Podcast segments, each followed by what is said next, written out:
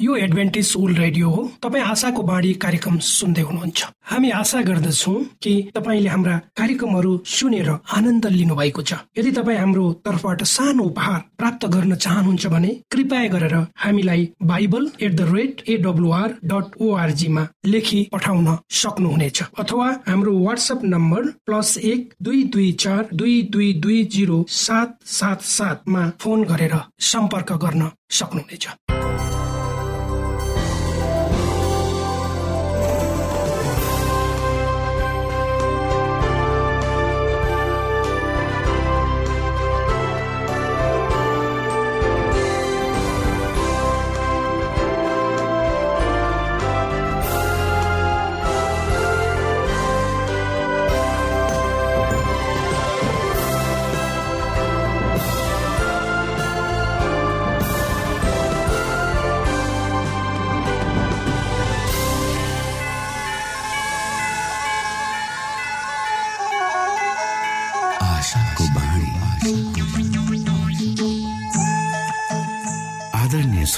नमस्कार।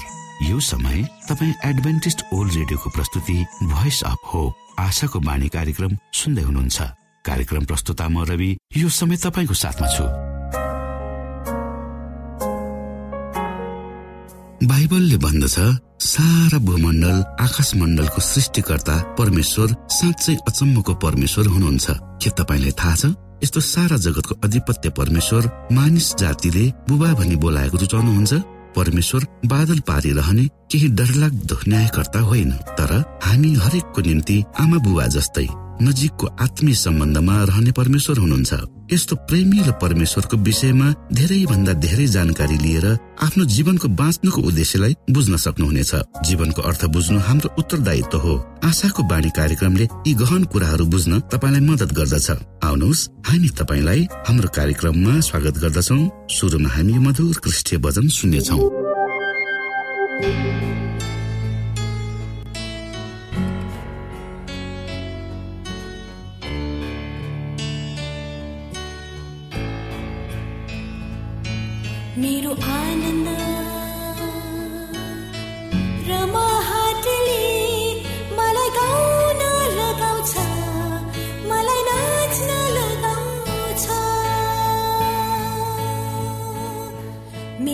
मेरो आनन्द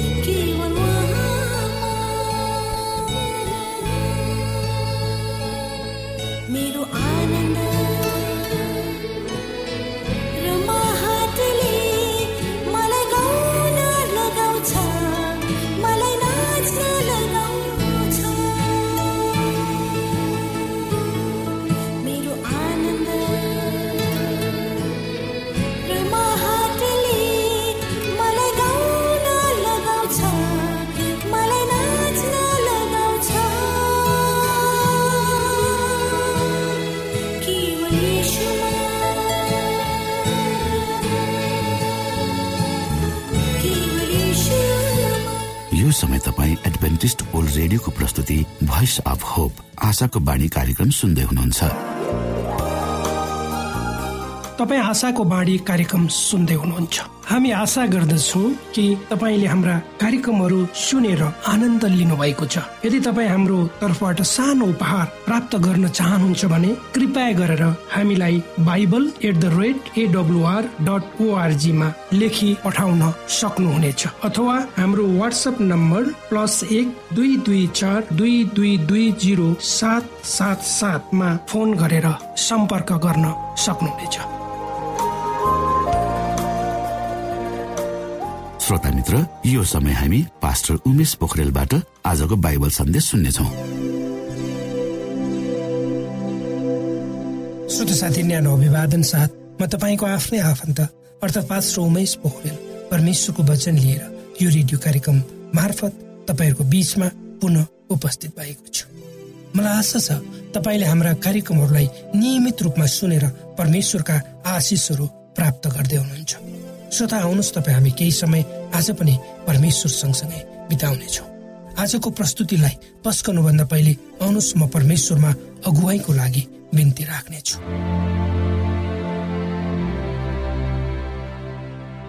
जीवित जिउँदो महान दयालु परमेश्वर प्रभु हामी धन्यवादी छौँ।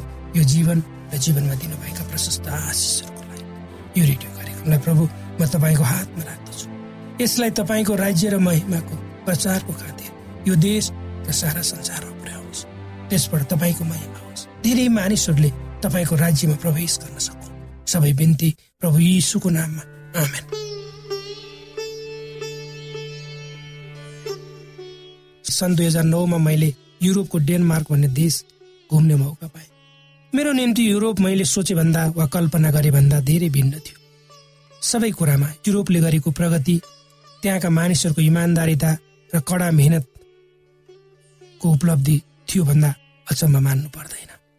डेनमार्क सानो देश करिब पचास लाख जनसङ्ख्या भएको तर विश्वको धनी मध्ये एक देश। साना साना पहाड समथल भूमि र समुद्रले घेरिएको देश सुन्दर शान्त अनि त्यहाँका बासिन्दाहरू मिलनसार इमान्दार र परिश्रमी। त्यस देशबाट म जस्ता नेपालीहरूले धेरै कुरा सिकेर आफूलाई परिवर्तन गर्न सक्छौँ आफ्नो देशको स्वरूपलाई स्वीकार्न सक्छौँ। डेनमार्क पुगेको दोस्रो दिन मलाई त्यहाँ लग्ने डेनिस जोडीले नेपाली भाषी भुटानी शरणार्थी भएर डेनमार्क जानुभएका मानिसहरू भएको ठाउँमा लाने निर्णय गर्नुभयो। उहाँहरूसँगै म गाडीमा चढेँ र ती जोडी मध्ये श्रीमानले गाडी हाँक्नु भयो र उहाँले हामी पुग्ने ठाउँ र त्यसको नाउँ गाडीभित्र भएको सानो मेसिनमा लेख्नुभयो र हामी अगाडि बढ्यौँ। मलाई अचम्म पनि लाग्यो किनकि मैले पहिलो पटक गाडीभित्रको सानो यन्त्रले उक्त गाडीलाई बाटो निर्देश गरिरहेको थियो र हामी पुग्नुपर्ने गल्ली र नम्बर अगाडि आएर गाडी टक्क रोक्यो। अनि हामीले त्यहाँका हाम्रा नेपाली भाषी दाजुभाइ दिदीबहिनीहरूसँग भेटघाट तर आज पनि हाम्रो देशमा अझै कतै हामी जानु पर्यो भने अर्को मानिससँग बाटो सोध्दछौँ। गाउँमा मात्र होइन सहरमा पनि। मेरै घर आइपुग्न धेरै मानिसहरूले बाटोमा सोधखोज गरी आउने आइपुग्छन्। यसको अर्थ हामी अझै एकअर्कामा भर पर्दछौँ। एकअर्काको सहयोगद्वारा हामी जिइरहेका छौँ भन्ने पनि देखाउँछ।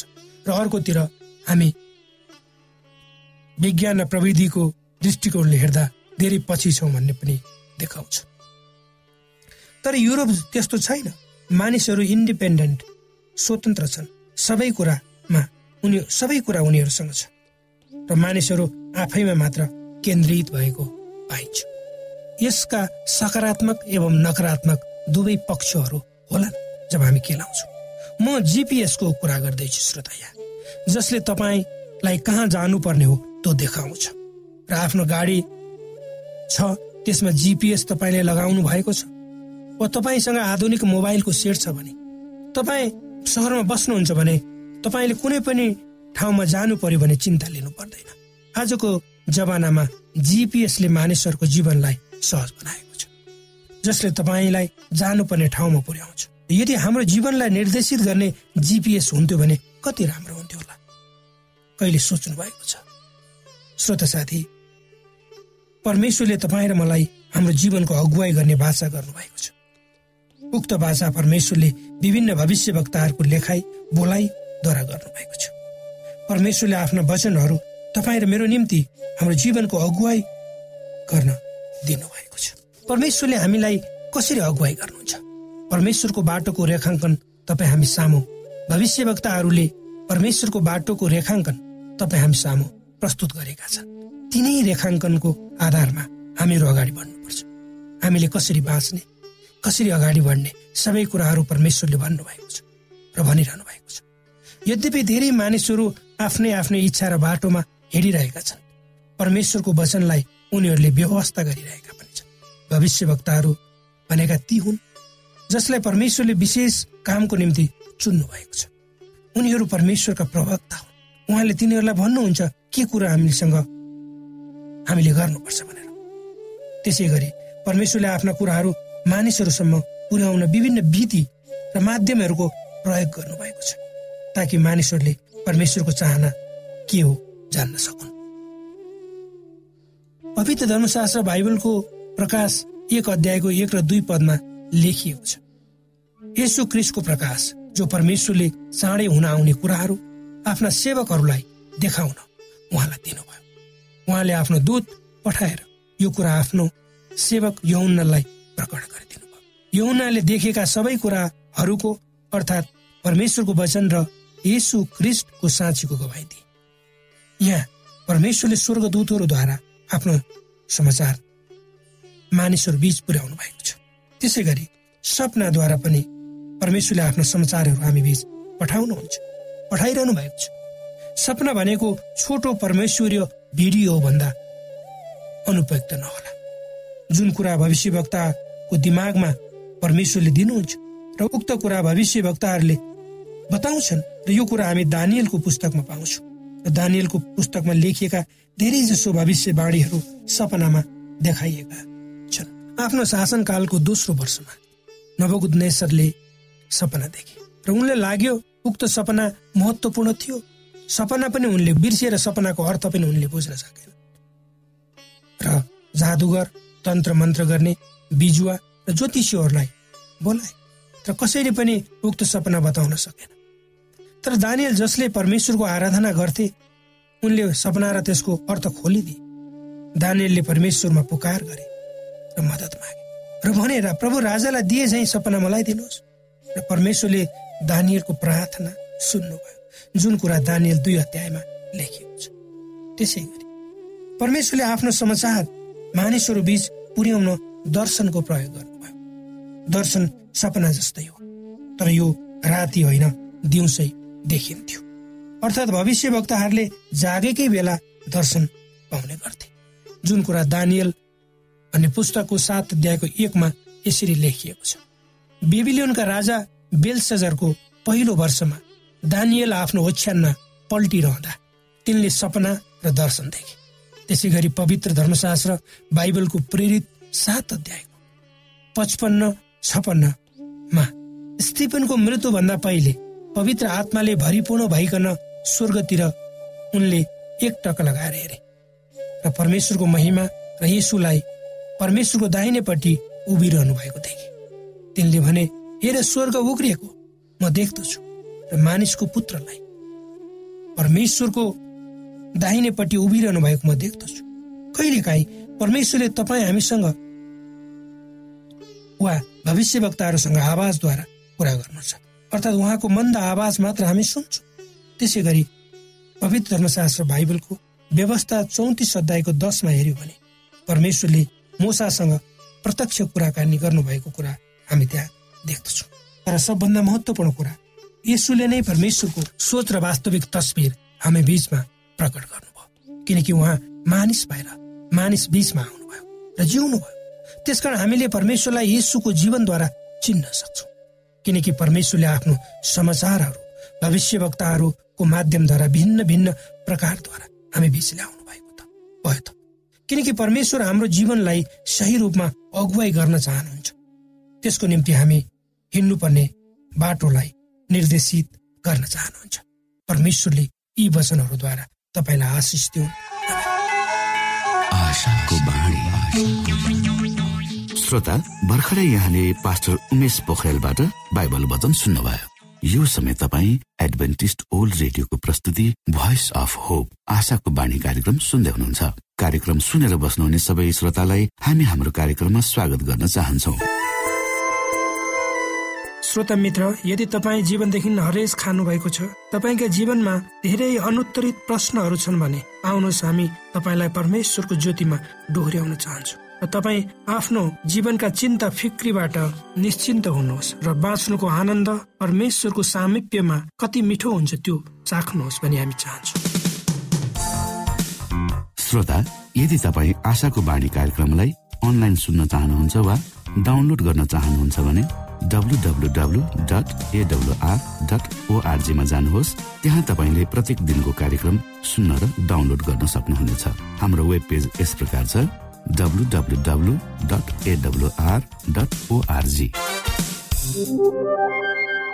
श्रोता यदि तपाईँ हामीसित सिधै फोनमा सम्पर्क गर्न चाहनुहुन्छ भने हाम्रा नम्बरहरू यस प्रकार छन्। अन्ठानब्बे एकसाठी पचपन्न शून्य एक सय बिस। अन्ठानब्बे एकसाठी पचपन्न शून्य एक सय बिस। र अर्को अन्ठानब्बे अठार त्रिपन्न पन्चानब्बे पचपन्न। अन्ठानब्बे अठार त्रिपन्न पन्चानब्बे पचपन्न।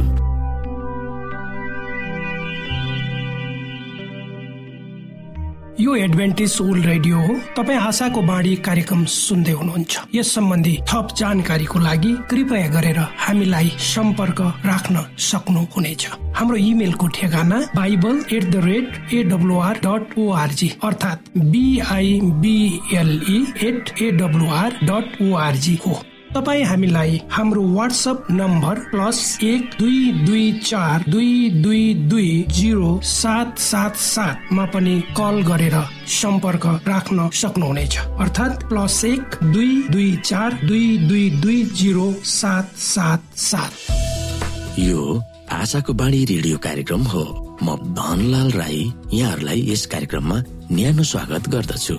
श्रोता साथी आजको बाइबल सन्देशको शीर्षक रहेको छ सृष्टि सावत र अन्तको समय।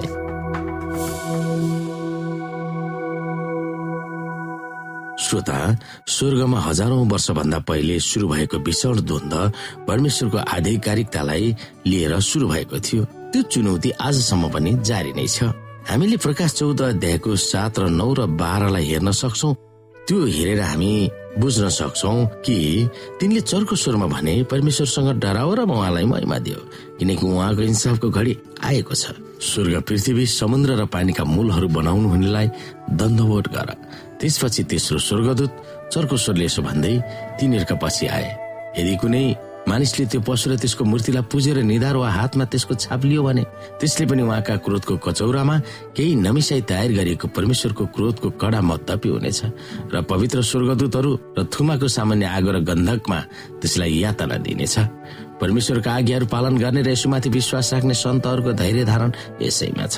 श्रोता अन्तिम दिनहरूमा हुने असल र खराब ख्रिस्ट र शैतानको बीचमा हुने द्वन्द्वको केन्द्रबिन्दु नै आराधना हो भनेर माथिका पदहरूले हामीलाई स्पष्ट रूपमा बताउँदछ। हाम्रो सबै विश्वासको जग नै सृष्टि भएकोले परमेश्वर हाम्रो सृष्टिकर्ता हुनुहुन्छ भनेर विश्वास गरिएन भने उहाँलाई पुज्ने हाम्रो औचित्य नै के छ र? सातौं दिन साबतको बारेमा उत्पत्तिको विवरणमै बुनिएको थियो कि साबतको गरिमा सृष्टिको कहिल्यै नहल्लिने र अनन्तको स्मारक भएर खडा भइरहेको छ। हाम्रो शिक्षा दिशाको अत्यन्तै महान आधारभूत चिन्ह नै साबत हो। त्योभन्दा अर्को बढी मौलिक शिक्षा भनेको परमेश्वर आफै हुनुहुन्छ। त्यसकारण सेभेन डे एडभान्टेज अथवा साबतलाई भत्काउन खोज्नु नै परमेश्वर नै सृष्टिकर्ता हुनुहुन्छ भन्ने उहाँको अधिकारलाई जरैदेखि हल्लाउन खोज्नु हो। यो मामिलामा कुनै चलखेल नै छैन। जसले साबतको गरिमालाई विरोध गर्छ त्यो व्यक्तिले परमेश्वरकै ठाउँ लिन खोजेको ठहरिन्छ। त्यसले ईश्वर कहिलिएका सबै अथवा पूज्य वस्तुहरूको विरोध गर्दछ र ती भन्दा आफैलाई उच्च तुल्याउँदछ। यहाँसम्म कि आफैलाई परमेश्वरले घोषणा गरेर परमेश्वरको मन्दिरमा त्यो बस्छ। अन्तिम दिनको वास्तविक निर्णायक विषयवस्तु नै यसुप्रति हाम्रो प्रेम र वफादारीता हो। उहाँका आज्ञाहरूलाई पालन गर्दा नै हामी यसुलाई प्रेम गर्छौँ भनेर प्रमाणित गरिरहेका हुन्छ। सबै थोकको जग सावत आज्ञा हो किनभने यसले नै परमेश्वर सृष्टिकर्ता हुनुहुन्छ भनेर औल्याउँछ परमेश्वर र पशुमा प्रकाश चौध अध्यायको एघार र बाह्रमा कोसँग वफादार छ भनेर देखाउने बाहिरी प्रमाण नै कसको र कहिले आराधना गरिन्छ भन्नेमा आधारित छ। सबै थोकर भन्दा आधारभूत र मौलिक साबतलाई हेर्दा युगको अन्तको अन्तिम निर्णयको विषयवस्तुले परमेश्वर नै सृष्टिकर्ता हुनुहुन्छ भनेर उहाँको आराधनाको विकल्प अरू नभएको देखिन्छ। कतिपय ईसाहरूले नै कुन दिन साबत पालन गर्ने हो त्यसको कुनै मतलब छैन भनेर सिकाउँछन्। हप्ताको कुनै दिनलाई साबत भने पनि हुन्छ भनेर तिनीहरूले नै प्रचार गर्दछन्। यस विषयलाई बाइबलबाट कसरी सामना हामी गर्न सक्छौँ? त्यो विषयमा हामी सोच्न सक्दछौँ।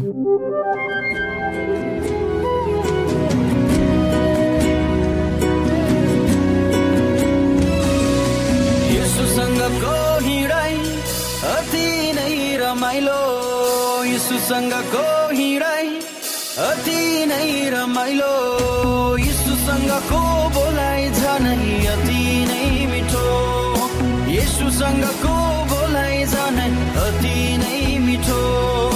यसुसँगको हिँडाइ अति नै रमाइलो। यसुसँगको हिँडाइ अति नै रमाइलो। यीशुसँगको बोलाइ झनै अति यीशुसँगको बोलाइ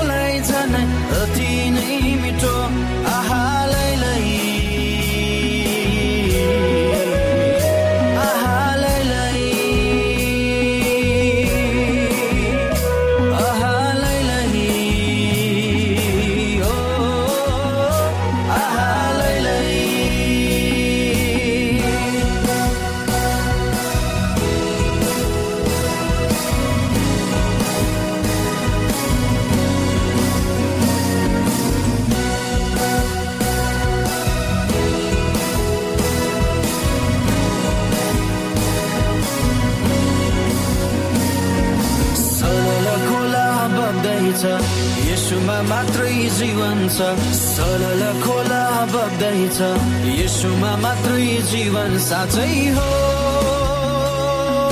यसुमा मात्रै जीवन साँच्चै हो। यसुसँग जीवन छ है। यो जीवन म भित्र बढ्दैछ है। यसुसँग जीवन छ है। जीवन छ है जीवन छ है। यो जीवन